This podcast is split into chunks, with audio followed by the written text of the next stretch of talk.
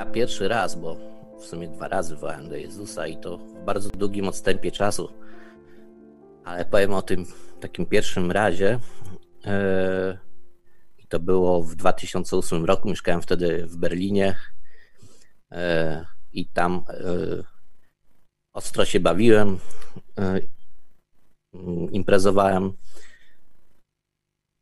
do tego stopnia, że traciłem już nad tym e, wszystkim kontrolę i, naprawdę e, bardzo mocno się, powiedzmy tak, e, staczałem z ludzkiego punktu widzenia.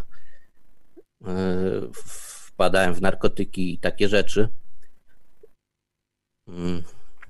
I wiadomo, Berlin to jest takie imprezowe miasto i ono potrafi naprawdę wciągnąć człowieka i człowiek młody, człowiek e, no, też głupi, powiedzmy, bardzo łatwo się zatraci i, i pójdzie za tym, poleci, popłynie, popłynie z prądem.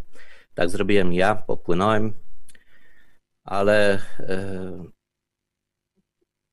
mm, przychodziły mi takie myśli, że mam tego dosyć, dosyć takiego życia i, i kiedyś e, wieczorem właśnie chociaż nie znałem Biblii, wtedy nie, nie czytałem, ale po prostu książkowo się wręcz nawróciłem do Jezusa i to sobie uświadomiłem dopiero 10 lat później, że, te, że tak zrobiłem. E, I powiem wam, że na drugi dzień po tym takim zawołaniu moim e, powiedziałem, że ja nie mogę tutaj po prostu, jak, jak chcę jeszcze żyć, jak e, żyć jak normalnie i w ogóle jak chcę przeżyć jeszcze jakiś czas, no to nie mogę tu, tu żyć, nie mogę żyć w Berlinie i na drugi dzień spakowałem wszystko i wróciłem do Polski. Mm, po roku czasu już poznałem żonę. Bardzo mi Bóg błogosławił, bo dosłownie w, e, w oczach wszystko rzuciłem. Ja paliłem papierosy, tam trawę i różne inne rzeczy i wszystko tak jakby e, w jeden, można powiedzieć, w jednym dniu ode mnie odeszło z dnia na dzień.